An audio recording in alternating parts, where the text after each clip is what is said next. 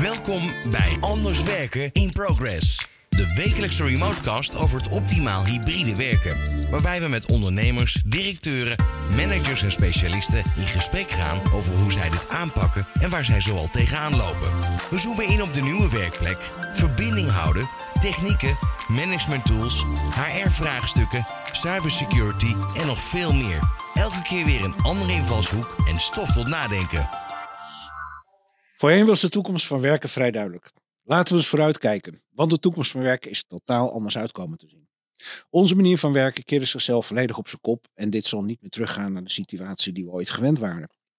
We zijn dus aan het ontdekken hoe we anders kunnen gaan leren en dit staat nog in de kinderschoenen. Waar lopen we zoal tegenaan en hoe kunnen we dit effectief gaan oppakken? Daarover ga ik vandaag in gesprek met onze studiogasten om te ontdekken waar we nu staan en welke uitdagingen nog voor ons liggen. In de studio vandaag Erik Hartzink, CEO van Communicatief. We zitten bij jullie in huis, dus uh, welkom in je eigen studio locatie. En uh, we hebben Marco eh, Schalkwijk, Business Development Manager bij Barco in de studio. Jij ook, welkom Marco. Ja, hallo Mike. Goed om weer hier te zijn. Ja, en de allerbeste wensen nog. We zitten inmiddels in een nieuw jaar met een hoop nieuwe uitdagingen, zoals we net al hoorden. En nou, dat is ook de reden dat ik met jullie eens wil gaan kijken. Waar staan we? Wat gebeurt er in de markt? Wat zien jullie zelf? En wat staat er zo op ons uh, af te komen? Um, voordat we dat doen, Erik, even, uh, kan je even kort toelichten wat uh, Communicatief doet? Ja, wij zijn een, een Microsoft gespecialiseerd bedrijf in vergaderkamers en telefoniecentrales. Dat is even heel zwart-wit hoe we, wat wij doen. Dus wij vervangen uh, omgevingen voor corporate en enterprise, dus klanten vanaf ongeveer 350 werkplekken, um, naar de moderne wereld met alle vraagstukken eromheen. Dus compleet hybride werken kunnen on ondersteunen of re remote first, dus net hoe je die strategie wil noemen. Um, en daar, uh, daar ondersteunen we in van um, ja, advies, in, uh, innovatie, inspiratie tot oplevering en beheer. Ja, nou actueel onderwerp natuurlijk. Hè? Ja, we zijn uh, continu uh, vol aan de bak, ja. ja. Ik zag al een bord boven de deur wegens rijkdom gesloten, maar dat nee, zover is het niet. Nee, in ieder geval heel belangrijk is super gaaf om te doen en uh, ja, hot item. Marco, kom ik even bij jou. Barco. Ja. Barco, ja, al jaren begrip in visualisatie en hybride vergaderoplossingen. Uh, platform onafhankelijk. Uh, we doen het zowel voor de medische sector als de entertainment sector, uh, bioscopen, corporates, overheden. Dus vandaar, ja. Ja. Als we even kijken, nieuw jaar. We hebben een jaar achter de rug, veel reuring, een hoop dingen gebeurd. Wat zijn ontwikkelingen in de markt die jullie zien? Erik, begin met jou even. Nou, wij zien een verandering van de, van de vraagstelling. Hè. Dus als ik kijk naar 2023 hebben wij behoorlijk veel projecten gedaan. We zijn behoorlijk gegroeid als organisatie. En wat we voornamelijk terugkregen vanuit onze uh, nieuw business klanten, en dat was het grootste gedeelte van onze klantenportfolio afgelopen jaar, is dat ze eigenlijk bij hun huidige partner niet het strategische vraagstuk uh, beantwoord konden krijgen. Dus iedereen was wel heel goed in het leveren van ja, spullen, in breedste zin uh, des woords. Maar dat klankbord, dat is wat, wat eh, organisaties misten. En, en dat klankbord is waar ze naar op zoek zijn. Want ze zitten zelf met vragen. Uh, hè, ze hebben ondertussen allerlei uh, studies erop losgelaten intern. Van hé, hey, we moeten een stap nemen. Maar we willen heel graag met iemand daar eens over praten hoe dat ervaren wordt bij andere organisaties. Ja, en wat natuurlijk heel erg belangrijk is, is dat men natuurlijk daarbij ook teruggaat naar de werkvloer toe. Om daar ook goed te inventariseren van waar staan we en wat willen jullie, werkt het allemaal, wat hebben we uiteindelijk echt nodig? Ja, wij zeggen daar altijd mens, uh, proces, uh, techniek. Dat is een beetje de, de volgorde zoals we dit zouden aanpakken. Ja, nou, dat klinkt uh, heel logisch, maar het gebeurt niet altijd in de praktijk, uh, hoor ik toch regelmatig. Ik kom daar zo even bij jullie terug als ik even bij jou kijk, eh, Marco, wat, wat zie jij voor ontwikkeling in de markt? Nou, dat het thema uh, nog steeds hartstikke actueel is. En dat, wij, dat ik nog wel eens af en toe een soort bedrijfsblindheid heb. En dat we zeggen, van hybride werk. Ja, jongens, we, nou weten we het onderhand wel. Maar nee, het thema is zeer actueel nog. Dat zien wij vooral ook de referentiebezoeken die uh, uh, klanten onderling bij elkaar willen doen. Ze willen elkaars ervaringen uitwisselen. Dat sluit een beetje aan bij het verhaal van, van Erik ook. Uh, de theorie, de, de, de, de, wetenschap, uh, ja, daar wordt er veel over gelezen, maar wil nou in de praktijk zien. Wat zijn de ervaringen en uh, hoe doen jullie dat? En dat gaat veel verder dan alleen maar de techniek. Dus ik denk dat dat doorgezet gaat worden in 2024 ook. En ook gezien de nieuwe partners die jij hebt onboarded in goed Nederlands. uh, geeft aan dat het thema uh, ja, nog steeds leeft. En, en, en dat het summit alleen maar groeit. Dus ja. ja. Nou, hartstikke leuk. En die partners komen we zo direct nog even op. Want het gaat natuurlijk veel verder dan hybride werken. Dat is ook de reden waarom het summit deze zomer verder is gegaan als de Anders Werk Summit. Dat het een heel breed ja, scala is aan processen waar je mee te maken hebt. Want dat zullen je waarschijnlijk ook wel zien dat alles wat je binnen een bedrijf doet, het heeft een soort domino-steen effect. Je tikt er één om en het heeft invloed op heel veel bedrijfsprocessen. Je ziet daar vanuit ook dat partijen als HR, facilitair en IT-management steeds meer met elkaar uh, rond de tafel zitten. En we zitten eigenlijk uh, ja, in, een, uh, in een digitale transformatie of een totale transformatie. Er is AI en ChatGPT nog bijgekomen. Nu komt NIS 2 er ook nog bij. Dus er ligt enorm veel op het bordje van bedrijven. Hoe schatten jullie zelf in dat die ontwikkelingen, welke invloed dat uh, dit jaar gaat hebben op uh, de, het nieuwe werkproces, de nieuwe werkmix? Hebben jullie daar een visie in over? Uh, ja, ja, dat is een goede vraag. Ja, nou ja, wat ik, wat ik wel terug hoor is dat, uh, dus de digitalisatie ja zeker, maar ik merk ook terug dat, dat er naar, wordt gekeken naar de, de, de manier van werk toch ook hoor. Dus het, het bij elkaar, dus al die vergaderingen, alle online tools die je dichttimmeren, je hele dag dichttimmeren of wat dan ook. En de, de aard van die vergaderingen, dus het werken, en er worden nieuwe methodes ontwikkeld. Eh, meer workshop-achtige dingen. Daar zijn ze naar aan het kijken. En niet meer alleen maar een partij die staat te zenden met een PowerPoint of een videocall. Uh, dus daar, dat, dat is iets wat ik, eh, wat ik zie. Dus natuurlijk, een digitaal of de techniek maakt het allemaal mogelijk om dat te doen ook. Maar ik, ik, ik, ik denk dat juist ook een stukje inkeer is, of inzicht vanuit alleen maar digitaal dat we daar ook de keerzijdes van zien. En dat, uh, dat mensen elkaar juist weer uh, ook aankomend jaar veel meer nog gaan opzoeken. Ik denk dat evenementen het gigantisch goed gaan doen.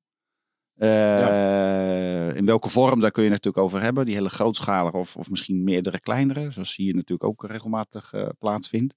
Daar geloof ik wel in. maar ik denk dat mensen elkaar steeds meer nog gaan opzoeken. Meer nog dan in 2023. Ja. ja herkenbaar. En ik denk daarbij wat jij eh, aangeeft, Marco, dat dat natuurlijk ook een hele belangrijke is. Het gaat natuurlijk niet alleen over techniek, het gaat over eh, eh, de factor mens. En je ziet dat veel, veel bedrijven, werd het net al even aangegeven, ja, eigenlijk als het ware even opnieuw aan de tekentafel zijn gaan zitten van even een stap terug, waar staan we nu eigenlijk? En nu dat de dingen wat meer in een wat duidelijke vaarwater komen, dat daar de grote uitdaging ligt. Waarbij het natuurlijk niet alleen om techniek gaat. Mensen, personeelskorten spelen natuurlijk ook nog mee. Nou, ik heb net al even AI en ChatGPT genoemd. Uh, er gebeurt enorm veel. En dat is ook best wel moeilijk voor mensen van het bedrijf om dat uh, goed aan te sturen. Maar ja, je moet ergens beginnen.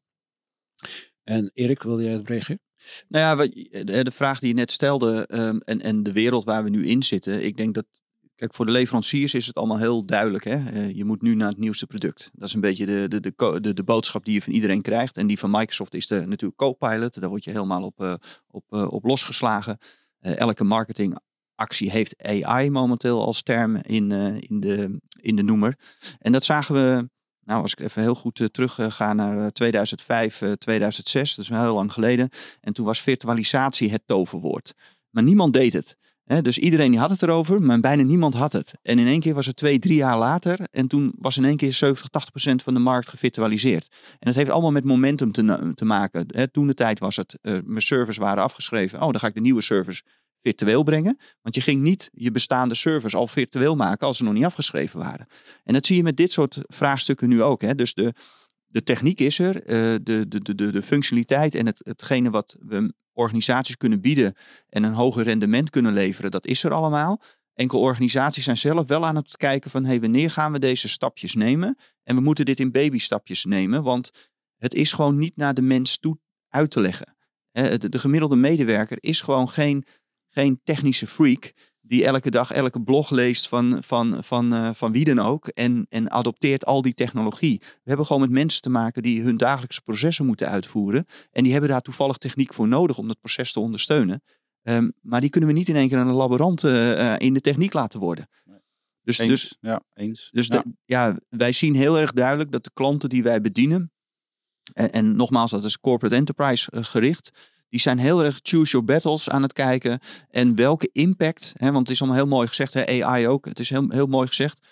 Maar wat gebeurt er met je data op het moment dat jij dus AI aanzet? En dat jij iets als technisch inhoudelijk persoon begrijpt wat er met je data gebeurt, wil niet zeggen dat er iemand op de werkvloer begrijpt wat er met data gebeurt. Is er daarom ook een goede reden dat er een uh, wetgeving uh, voor e-mails gemaakt is dat, dat mensen tegen of bedrijven tegen zichzelf in bescherming worden genomen? Dat, uh, ja. ja. ik vraag me dan altijd af wie, wie bepaalt de wetgeving, want mijn, mijn indruk van, van de mensen die daarachter zitten is niet... Het zijn geen mensen die hier stappen wat, wat AI is. Ja. Nee, kijk, ik, ik geloof wel dat er een bepaalde bescherming nodig is, omdat er ehm, de, de, de ketenreactie van iets vaak niet te overzien is. En ik geef het meest simpele voorbeeld.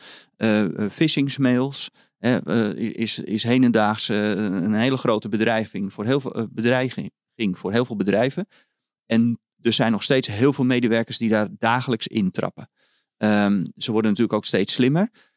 Maar de medewerker heeft geen benul wat het ketengevolg is als ze op dat linkje klikken in die phishing mail. Nou, datzelfde is met AI. Datzelfde is bijvoorbeeld met een nieuwe meetingroom. Op het moment dat wij akkoord geven voor een nieuwe vergaderkamer, dan heeft dat infrastructurele gevolgen. Dan heeft dat gevolgen voor techniek. Dan heeft dus er moet heel veel meer aangepast worden dan alleen het scherm en die camera die die, die kamer binnen wordt gerold. En dat stukje begrijpen, hè, vanuit een projectopdracht uh, leggen we dat soort dingen uit aan klanten. Maar om dat in een hele organisatie door te laten druppelen, ja, daar, daar is gewoon tijd voor nodig. Ja, dat houdt eigenlijk in dat je dus eh, je klant ook andere vragen moet gaan stellen. Zegt dat goed, Marco? Ja, ik denk dat, was dat vorige week of deze week, dan onderzoeken dat mensen, of mensen in het algemeen het beeld nu rondom AI en ChatGPT, dat mensen de uitkomsten nu niet vertrouwen. dat is ook iets van, het gaat ook allemaal te snel misschien, of eh, door het geweld vanuit onze techsector misschien. Dat ze nu ook zeggen van, oh wacht even, e-, even rustig aan. En ook vanuit uh, security, maar ook vanuit privacy. Uh, dat soort dingen. Dus ik denk dat wel dat de bewustwording er is. Maar ja. Nou ja, het probleem is denk ik gewoon dat men zelf nog niet goed weet wat, wat het allemaal kan en wat de output is, hè, zoals jij net zegt. Ja. Is het misschien eens interessant om te kijken van als je naar dat soort toepassingen kijkt. Hè? Als ik even naar de praktijk kijk, uh, hoe zou een bedrijf bijvoorbeeld, Erik, in, uh, waar jullie in zitten, AI uh, toe kunnen passen? Kan je een voorbeeld geven om het wat begrijpelijker te maken voor de luisteraar? Ja, ik, ik maak daarin eigenlijk een onderscheid tussen twee typen AI. Hè. Dus je hebt de functioneel toegepaste AI. Lees bedrijven die dus kleine stukjes AI gebruiken om hun eigen toepassing te verrijken. Daar ga ik zo een voorbeeld van geven. En je hebt natuurlijk de, ja, ik noem het even de chat AI-prompts waar je zelf dan maar code in kan gaan uh, of, of, opdrachten in kan gaan aanmaken. En daar heb je over het algemeen de ketengevolgen uh, impact niet van in de gaten. dus als jij data daarin voert of als jij daar opdrachten in geeft, wat gebeurt er dan met die data? Um, is dat, sorry Erik, is dat generatief Juist. AI dan? Oh ja, oké. ja, ik probeer dat soort woorden altijd een beetje te vermijden, om, ja, omdat dan de helft kwijt is ja. wat, hoe het waar. En wat bedoel ik dan met functionele AI? Hè, zonder dat ik een AI-specialist ben, uh, maar je loopt 26 jaar in de IT mee, dus ik denk dat je ondertussen wel een beetje weet waar Abraham de Mosterd haalt. Um, functionele AI, zoals ik dat dan benoem, is um, uh, stel in een vergaderkamer, daar is daar zijn eigenlijk altijd wel audioproblemen. En het audioprobleem is, uh, komt voort uit de architect die ontwerpt een hele mooie kamer, vaak met heel veel glas en harde wanden. Dan krijg je een beetje hetzelfde als wat in de badkamer plaatsvindt. En als je daar gaat praten of gaat zingen, dan klinkt je stem altijd lekker, omdat er een galm op zit. En sommige badkamers hebben een hele hoge galm. Nou, dat gebeurt dus eigenlijk ook in een vergaderkamer. En dat is een heel groot probleem voor heel veel um, vergaderkamers. En waarom is het een probleem? Omdat de gebruiker thuis of remote die hoort die galm. En de mensen in de ruimte horen ook een deels een beetje galm. En dat, heeft, dat geeft uh, de vergadervermoeidheid, de meeting fatigue, waar iedereen over praat. Dat is een onderdeel van. Functionele AI kan dus die galm herkennen en automatisch aanpassen op hoe een stem wel hoort te zijn. En dat is learning. Hè? Dus dat leert van alles wat er omheen gebeurt. Op dat moment heb je dus als eigenaar of als gebruiker gebruik je AI zonder dat je eigenlijk bewust AI gebruikt. Daar zie ik heel veel toename in in onze wereld, hè, eh, eh, maar ook op telefonie, op allerlei vlakken komt dat naar voren. De, de, de, de, de, de, de eigen AI-prompt waar je zelf wat in gaat voeren, de generative eh, AI, ja, dat is een hele andere tak van sport. Eh, en daar zie ik niet zomaar eventjes eh, een medewerker van de werkvloer even zijn volledige eh, PowerPoint in, in, in activeren. Tuurlijk kan dat, hè, daar niet van. Maar welke impact heeft dat voor jou als organisatie? Welke compliance ga je daarop af eh, eh, eh, zetten? Eh, mag dat binnen jouw security policies? Dat is allemaal nog heel erg in, in de ontdekkingsfase. En komt weer extra erbij natuurlijk. Hè, want we hebben dan een hele hoop dingen genoemd die allemaal op het bordje ligt op dit moment. En dan heb ik het over eh, inderdaad eh, de andere manier van werken, waarbij dit ook een onderdeel is. Maar eh, het personeelstekort, al dat soort dingen. Dus er gebeurt ontzettend veel. Toch nog een beetje een soort perfect storm waar we in zitten. Als je zo luistert even naar Erik, Marco. hoe zie jij bepaalde dingen in je omgeving terug op dit gebied? Nou, ik zie dat de, de, de, laat ik het zo zeggen, de voorbeelden of de, de toepassingen, die spreekt iedereen aan. Dus eh, als assistent gaan werken, eh, eh, sa- samenvattingen van verslagen, dat soort zaken.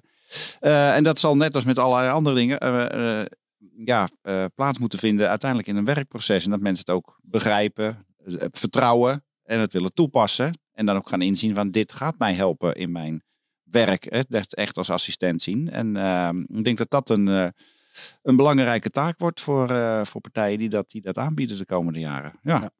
Maar goed, je kan wel stellen dat eh, heel veel dingen inderdaad nog in hun kinderschoenen staan. Dat het is helemaal, hè, het was net als, eh, werd ook wel ver- vergeleken met de totstandkoming van het internet. Hè. Nou, dat zag je ook, dat was niet van de een op de andere dag. Er waren bedrijven die pas na drie jaar eigenlijk daarmee bezig waren.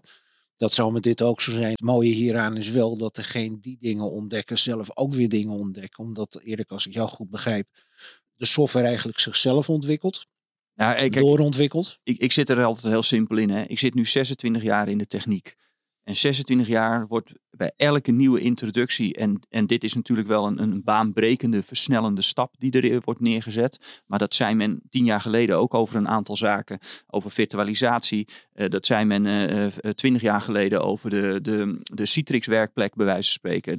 Ik, ik, ik noem al een aantal varianten. Onderaan de streep hebben we nog nooit zoveel werk gehad binnen de IT. Dus we zouden allemaal banen gaan verliezen. Maar volgens mij staan er meer dan zeven, eh, eh, 7500 eh, eh, eh, eh, IT'ers gevraagd in alleen al het MKB ehm, eh, eh, resellerkanaal. Hè, dus dan hebben we nog niet eens over de bedrijven.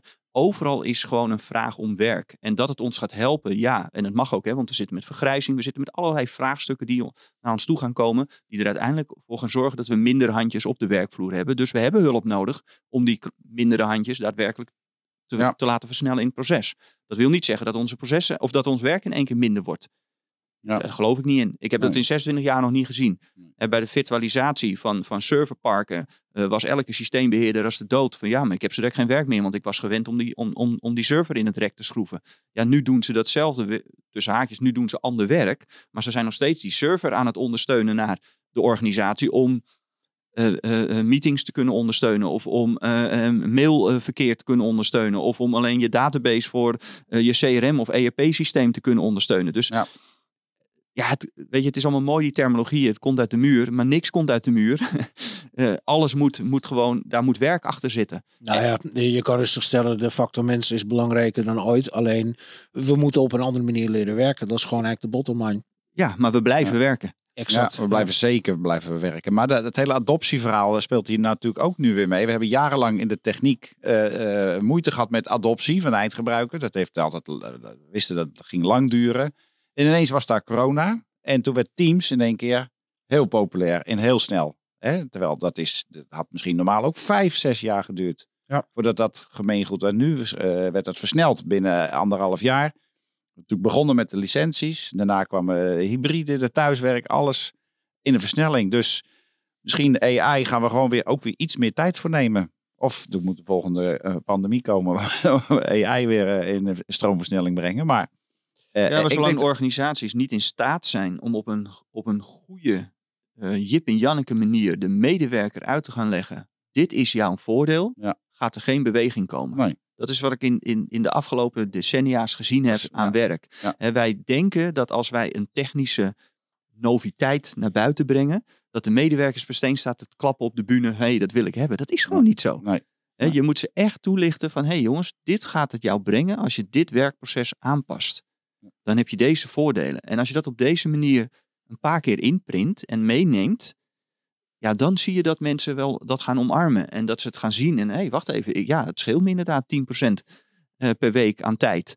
Of aan efficiëntie of aan whatever. Hè? Uh, maar, maar zolang wij in de, de modus zitten van hey, noviteit. Ja, maar dat wil, je, dat wil je direct hebben. Ja, die gedachtegoed is er gewoon niet. Nee, nou, klopt. Ja. Eens. Marco, als organisatie, eh, Marco, wat uh, zien jullie voor ontwikkelingen zelf in de markt? Zit er nu in een nieuw jaar? Binnen het werkgebied waar jullie actief zijn, uh, hebben jullie daar zelf ook een bepaalde visie op uitgezet? hoe, hoe kijk jij er zelf tegenaan?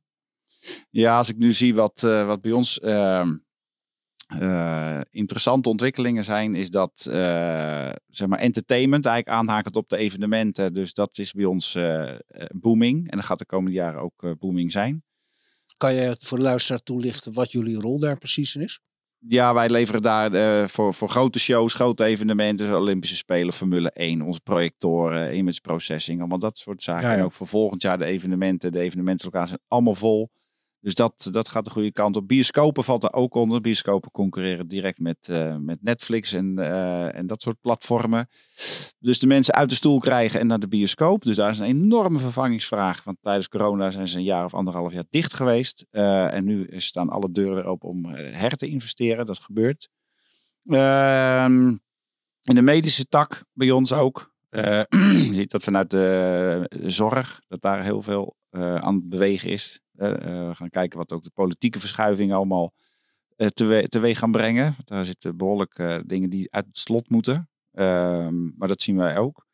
En binnen corporates is het hybride werk blijft, er blijft nog steeds een grote vraag naar, of een vervangingsvraag of additionele technieken. En visualisatie, absoluut ook, is ook weer helemaal terug komt ja. helemaal terug. Ja. Ik vind dat wel boeiend, hè? want wat, wat, ik, wat ik steeds terug hoorde, en dat is volgens mij ook een enorme stap voorwaarts die we gemaakt hebben.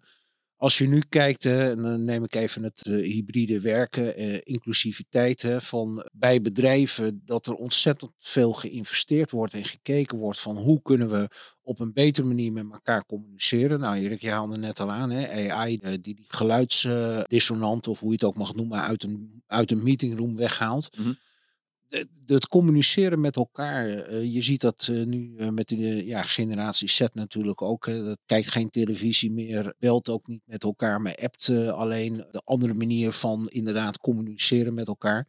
Op de werkvloer hetzelfde. Boardrooms, dat moeten wij nog heel erg gaan wennen. Dat inderdaad mensen op een, een scherm op een afstand zitten. Of is dat nu juist ook een ontwikkeling die verder gaat, waarbij je zegt van we, worden er steeds meer gewoon aan. De technieken worden steeds beter. Hoe zien jullie dat? Ja, we, kijk, we, we zien. Uh, eh, als ik kijk naar, naar, onze klanten en de, en de gemiddelde markt, is uh, 85% is gewoon uh, de standaard vergaderkamer. Dat zijn, uh, ik wil wat schermen hebben, ik wil een camera hebben, ik wil goed geluid hebben, goede video. Dat zijn een beetje de eisen. Um, en daarboven dan die 15% die kan je opdelen in een aantal verschillende factoren. Dus uh, bijvoorbeeld uh, uh, grotere ruimtes, aula's-achtige omgevingen. En nu heel langzaam zien wij een opkomst in, ik noem het de wat experimentelere ruimtes. En dat zijn dan de immersive Um, um, rooms of de immersive suites, um, die wij samen met, met Covins, een andere partner van Anders Werken, doen. Waarin je eigenlijk in een soort 270 graden beleving een hele andere wereld kan zetten. Een soort virtual reality zonder dat je de bril op hoeft te zetten. En ik denk dat dat ook een eerste stap is. Want die, die, die brillen, ik denk dat de nieuwe generatie daar minder moeite mee heeft. Omdat ze tijdens de PlayStation ook al met zo'n bril gewend zijn. En, en, en de Google Games en, en de, de, de Chromecast-achtige uh, scenario's, die hadden dat ook al hè, met, met zo'n uh, VR-bril. Maar, maar de de, de, de generaties later, die zijn dat nooit gewend geweest. Dus voor hun is dat heel erg onwennig. Dus we zitten, we zitten daar in een soort twilight zone. En ik zie dat een aantal bedrijven nu uh, aan het experimenteren zijn met één of twee van die immersive suites. Wat kunnen we daar nou mee? Wat kan het ons brengen? Um, en die zitten er ook op die manier in. Dus het is niet van, hey, wij, wij, wij bouwen daar een ruimte en het moet deze delivery minimaal brengen. Nee, ze zeggen, hey, we willen die ruimte bouwen en we willen gaan testen met onze medewerkers wat kunnen we daar nou mee gaan leveren naar de organisatie? Welke beleving kunnen we doen? Ja. Eh, en even als voorbeeld, we hebben daar eh, een, een KNVB eh, bijvoorbeeld, die heeft zo'n ruimte eh, die daarvoor wordt ingericht. En die gaan daar dus eh, onder andere scheidsrechtertraining in doen met live beelden die vooraf zijn, eh, die zeg maar in de weekenden zijn opgenomen van de wedstrijden. Hoe, Ja. hoe zou je daar als scheidsrechter dan op gaan reageren als dat gebeurt als jij daar staat? Maar even voor de luisteraar, hè, voordat, eh, voordat we misschien eh, de, over hoofden heen praten, dat mensen denken, ik ben hem even kwijt. Als we de, even teruggaan daarheen, voorbeeld wat jij ne- net geeft, moet ik er dan aan denken dat een scheidsrechter in een opleiding in een kamer staat en daarbij, net zoals een flight simulator, zo Ja. reëel. Ja, dus feitelijk sta je in een kamer, eh, even heel theoretisch op kunstgras, met je, met je Ja, met je kicks aan. aankleden. ja, en dan heb je, heb je links, eh, eh, rechts en in het midden, dus eh, 270 graden rondom je heen, heb je gewoon schermen staan. Dus je zit in een soort groot scherm, in een, in een virtuele wereld die geprojecteerd wordt, al dan niet eh, ehm, eh, via monitoren getoond worden. En daar worden dan live beelden van de wedstrijd eh, getoond. En jij staat er midden, middenin. Eh, nou, die schermen zitten op anderhalf of twee meter afstand van je. Dus je hebt echt de beleving dat je daar, daarbij bent. ehm, eh, of nagenoeg bij bent. En dan, ja, dan kan je daarop reageren. Ja. En, en het is wel geinig, want ik heb nog niet zo gek lang geleden, een paar weken geleden, een open avond gehad voor mijn zoon. Die, eh, die eh, is een beetje zoekende met wat zijn vervolgopleiding eh, is. En ehm, eh, past niet heel erg in het systeem, net zoals ik dat had vroeger. En die, gaat, die ging VEVA doen. Dat is een, een vooropleiding voor de, voor de landmacht in zijn geval. En die hadden dus bij de open avond gingen ze, gingen ze tonen hoe ze werkten. En die gebruikten dus al die immersive rooms met VR ook, met, met die brillen. Om dus ehm, eh, beveiligingsvraagstukken eerst te trainen in de virtuele wereld. En als ze dat daar goed door hadden en, de, en, en, goed de, de strate- strategische vraagstukken eh, op het snotje hadden van hé, hey, wacht even, ik moet dit en dit en dit als handelingen uitvoeren.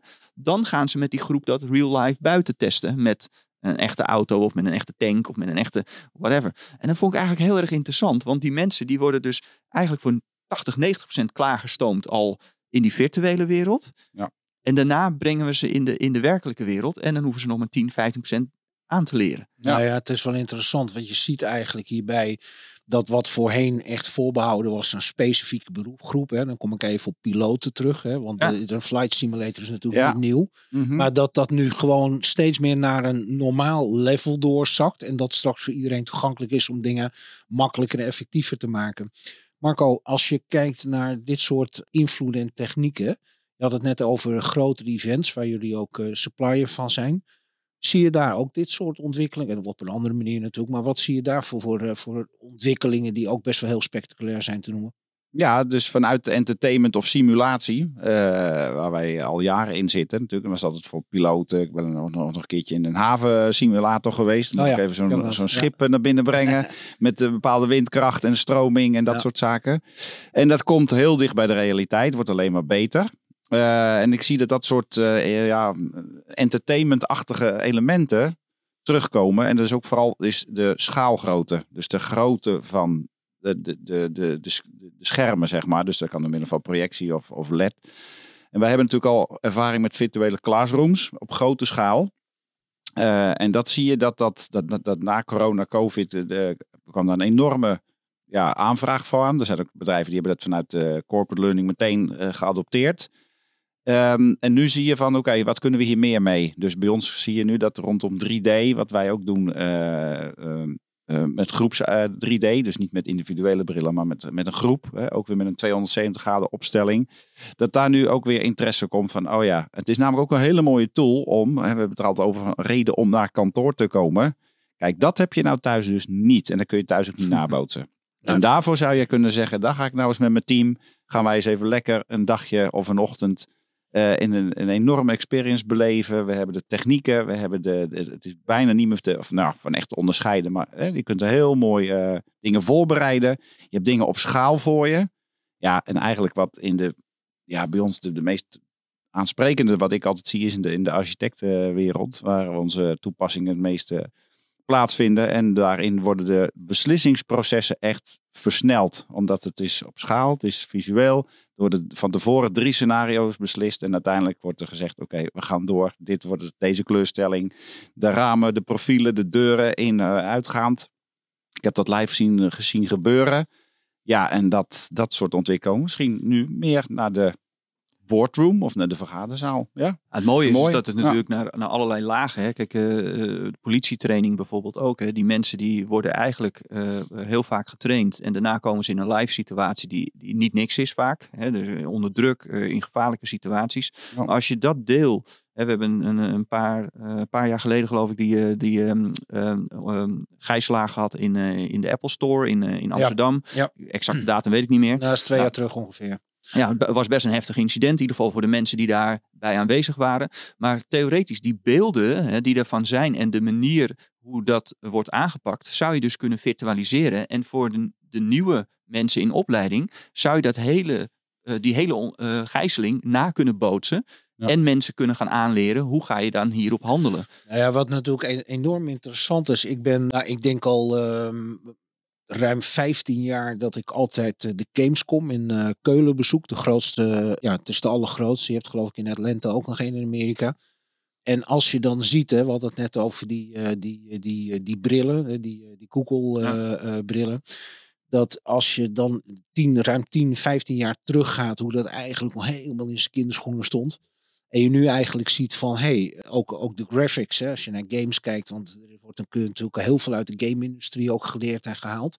Die graphics die zijn zo ontzettend goed op dit moment dat het bijna niet van echt te onderscheiden is. Zeker als je een minuut zit te kijken, heb je niet eens meer door dat het, dat, het eh, zeg maar, dat je in een soort game zit.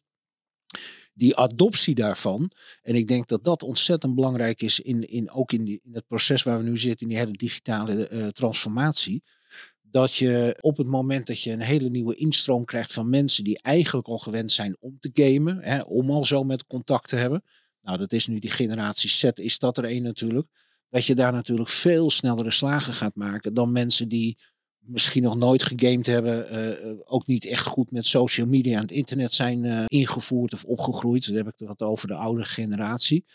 Zal dat een enorm verschil maken dat dat, dat een hele grote procesversnelling nu gaat geven? Nou, zoals Marco al zei, hè, als jij dus een, eh, een, een experience naar kantoor brengt, hè, dan breng je al mensen bij elkaar, dan krijg je dat sociale effect. En als je daarnaast ook nog eens de mogelijkheid hebt, en dat is nog natuurlijk het mooie in die virtuele wereld, daar mogen fouten gemaakt worden. Ja. En op een of andere manier leren wij alleen als we ook openstaan en dat er sociale veiligheid is om fouten te mogen maken. En mensen durven niet zo snel nieuwe dingen uit te voeren als ze in een live proces zitten. Als jij met een klant zit en je hebt een nieuw vergadersysteem, dan ben je altijd al heel blij dat je überhaupt de vergadering kan starten. En nogmaals, de meeste mensen zijn gewoon niet technisch zwaar onderlegd. Nee. Ehm, en dan ga je niet allerlei eh, zaken proberen, want je bent al lang blij dat je mensen in beeld hebt, dat ze jou verstaan en jij hun verstaat. En je wil gewoon die vergadering verder afronden. Maar als je dus een virtuele wereld kan hebben waar je eigenlijk op alle knoppen kan drukken of alle functies kan, kan, kan proberen. Maar ook dat je collega's langs de zijlijn kunnen, eh, kunnen staan om te kijken, hé, hey, wat doet die persoon en hoe werkt die eigenlijk? Oh, wacht even, heeft dat dit effect? Oh, dat ga ik dan ook eens proberen. Als je dan kijkt naar dit soort ontwikkelingen. Ik hoorde jullie toen net zeggen over, eh, jullie hadden het alle twee een voorbeeld over een eh 3, 375 schermen, zeg ik het goed? Nee, twee- 270 graden. Dus wat je, 72. feitelijk, eh, ja, wat Ja. je feitelijk hebt is een wand voor je, een wand links van je, een wand, wand rechts Behalve van je. achter je. En Ja. behalve achter je, want ach- achter je zit meestal iemand die de, de, de Regie doet Ja, de en, regie doet en jou begeleidt. Als je daar dan naar kijkt, hè, en je, eh, we kijken een paar jaar verder. Ik, ik heb iemand op een gegeven moment ook horen zeggen van dat men al heel erg aan het kijken is om die beelden dus door hologrammen te vervangen. Wat natuurlijk nog echter wordt, zodat je eigenlijk in een ruimte zonder scherm met hologrammen staat. En dat na kan bootsen. Hoe zien jullie dat? Is dat iets wat nog heel erg ver weg is? Of horen jullie ook wel eens geluiden? Of zien jullie Ja, dingen? dat alles heeft met geld te nou, maken. Hè? Onderaan de streep heeft alles met geld te maken. Dus ehm, eh, de manier hoe wij technologie kunnen inzetten, hè, die hologrammen, dat, dat bestaat al jaren en in het Ja. entertainment. En we hebben al een aantal live optredens van bekende artiesten gezien die al lang overleden waren, die toch weer op het podium stonden. Ja. Maar daar wordt dan bij wijze van spreken een miljoen uitgegeven om die mensen helemaal blij te zijn, hè, eh, omdat het in die tour mee kan in het budget. Maar de meeste organisaties kunnen dat niet uitgeven voor een experience ruimte.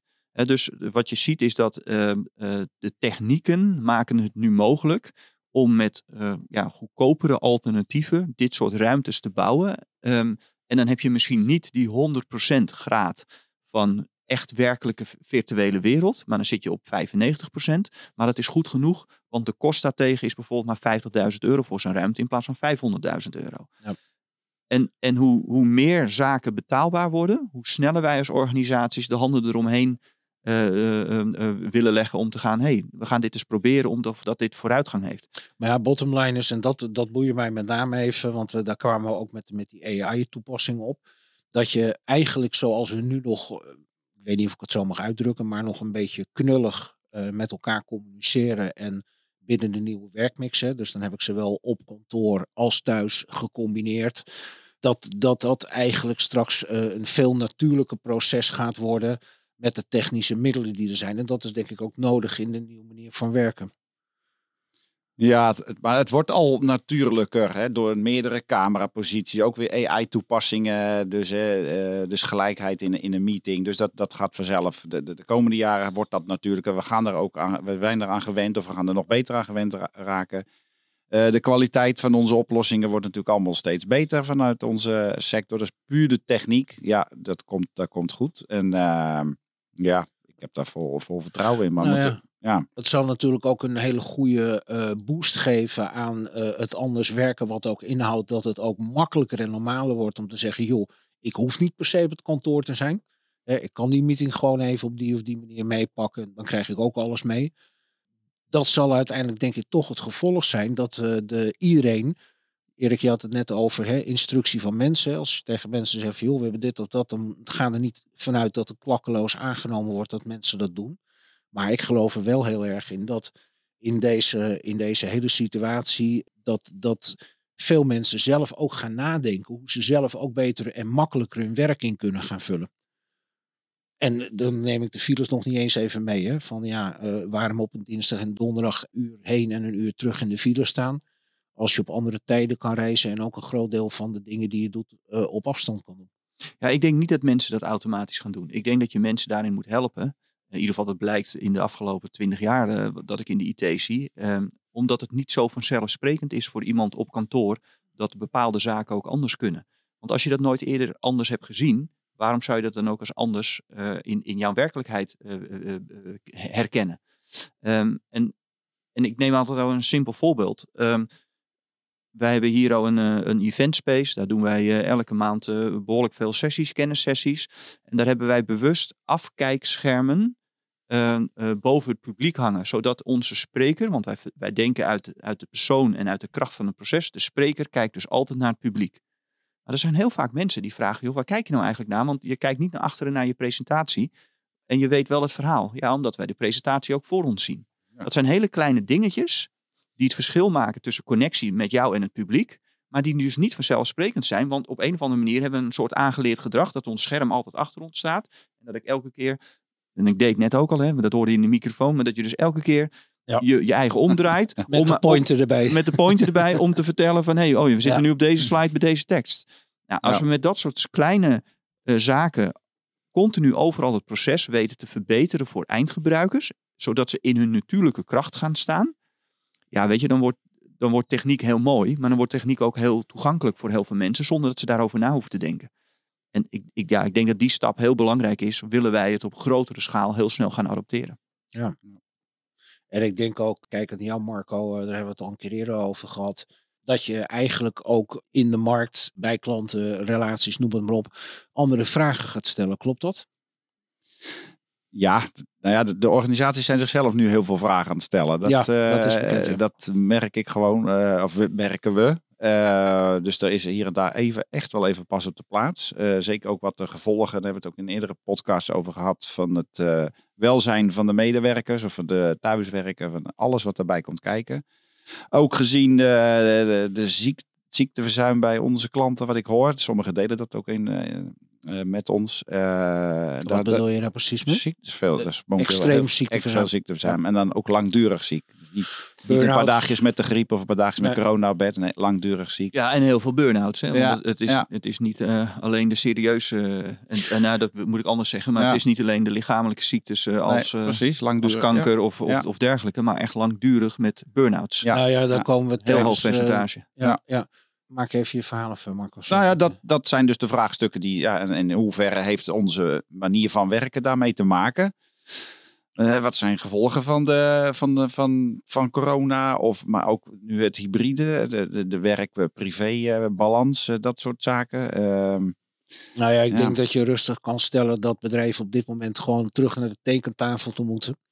En inderdaad heel goed moeten kijken met de dingen die jij ook aangeeft van hè, waar staan we? Nou ja, er kwam net ziekteverzuim aan de orde.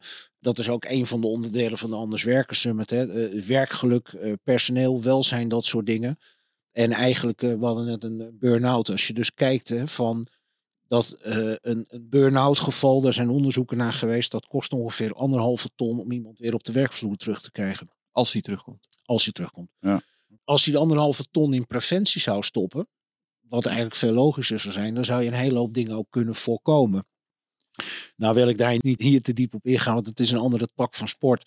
Maar dat is wel een van de dingen waar we ook eh, tijdens de week van het Anders Werken in maart en eh, uiteraard eh, de Anders Werken Summit in juni op terugkomen. En eigenlijk daar kijken we naar het hele proces personeel, welzijn, werkgeluk. Eh, maar ook eh, de werkomgeving, eh, de IT en techniek, cybersecurity. Het zijn allemaal hele belangrijke componenten waarvan alles gebeurt. En allemaal weer in dat hele proces op zijn plek moet gaan vallen. En jij wilde daar overigens, jij zei toen straks even, je had het even over de summit over TD Syndex en BIS Econom. Ja. jij daar iets over zeggen? Nou ja, dat, nee, dat was ook voor mij ook nieuws dat jij da- dat aankondigde deze Ja. week. Dus dat het summit natuurlijk eh, springlevend is en nog steeds eh, groeit. Volwassener wordt. Dus ik denk dat dat goed is. En dat er heel veel thema's daarom eh, om spelen. En wat Erik al zegt, mens, techniek en proces. Die, die, die driehoek. Eh, en dat we daar goed naar moeten naar kijken. En dat... ja, ik denk dat het interessant is, eh, is nu de, de, de, de afweging individueel slash team. Hè? Want we, gingen maar altijd individueel. Van, nou, ik, moet zoveel dagen thuis kunnen werken. En ik, ik, ik, ik, ik. Maar ik denk dat nu ook bedrijven, dat hoor ik nu ook, gaan nu echt even zeggen, ja, we gaan daar niet in doorslaan. We gaan ook het teambelang. Hè? Dus daar weer de balans in gaan vinden. Eh, en daar gaan, daar gaan ook andere krachten in, in spelen, denk ik. Dus eh, het is de medewerker, kan je zeggen, voorop stellen. Maar niet het individu alleen maar. Dus ik zie dat dat nu ook weer gedacht gaat worden vanuit teams. Wat is goed voor het team? Ja, en dan zul jij misschien als persoon iets moeten inleveren. Nou, Die discussie is nu, eh, gaat geopend worden in 2024. Ja. Nou ja, dat is een hele goede dat je dat zegt. Want even terugkomend op de summit is dat ook juist dat we het summit ook de verschillende managementgroepen bij elkaar daar willen krijgen. Ook met de community die erachter zit. Omdat je ziet dat men tegenwoordig met alles wel voor, met vanaf verschillende afdelingen, of nu HR, IT, facilitairs of wat dan ook, met elkaar rond de tafel zit. En juist dit soort vraagstukken om daar ook antwoorden op te kunnen geven, inzicht te geven. En ook dat inderdaad mensen daarover ook met elkaar in gesprek kunnen gaan. Ook vanuit verschillende afdelingen. Want niet alles is even als transparant ofwel relevant of actueel, eh, om maar zo te zeggen. Ja, ik denk ook dat wat jij net zei, hè, van eh, terug naar de tekentafel. Ik denk dat dat niet aan de orde is. Ik denk dat namelijk een, een volwassen bedrijf in deze maatschappij zit elke dag aan de tekentafel om te kijken hoe moeten wij omgaan met al die verschillende speelvelden die nu op ze afkomen. En dat is dus ook hè, waar we aan, het begin van de podcast eigenlijk mee starten.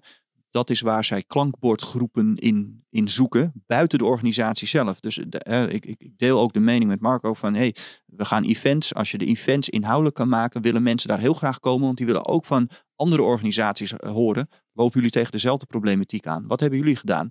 En er is niemand die daar het Hosanna-verhaal heeft. Maar elk klein babystapje die jij kan maken door iemand anders input te krijgen, is al een klein stukje van die puzzel. Nou heren, we hebben inmiddels, eh, ik denk dat we hier nog uren over door kunnen praten. Dat is super interessant en er zijn zoveel invalshoeken. Maar daar kom ik eh, graag eh, binnenkort weer een keer opnieuw bij jullie op terug om daar de diepte in te gaan. Even nog een vraag voor de luisteraar als afsluiting. Marco, zou, heb jij nog een takeaway voor de luisteraars? Waar je zegt van nou, een mooie opsteker. Ehm, ja, begin met nieuwe energie in dit nieuwe jaar. Hè? Iedereen, alles is weer achter de rug. En met een frisse geest, eh, open geest, open eh, gedachten. Eh, omarm eh, alle, alles wat op je afkomt ook. eh, en bepaal voor jezelf ook eh, het tempo daarin dat bij je past. Zo- zodat je ook gezond blijft. Nou, dat vind ik een hele mooie afsluiter. Dank je wel. Ja. Daar sluit ik me bij aan. Nou, daar kom je lekker makkelijk vanaf. exact. ik dank jullie voor de komst naar de studio. We spreken elkaar snel weer. Hartelijk dank. Dankjewel. Dank je. Leuk dat je weer hebt geluisterd. En volgende week zijn we weer met een nieuwe Remotecast. Deze aflevering wordt mede mogelijk gemaakt door de Anders Werken Summit en haar partners. Heb je een aflevering gemist? Of wil je zelf deelnemen aan onze live events en netwerken? Kijk dan voor meer informatie anderswerkensummit.nl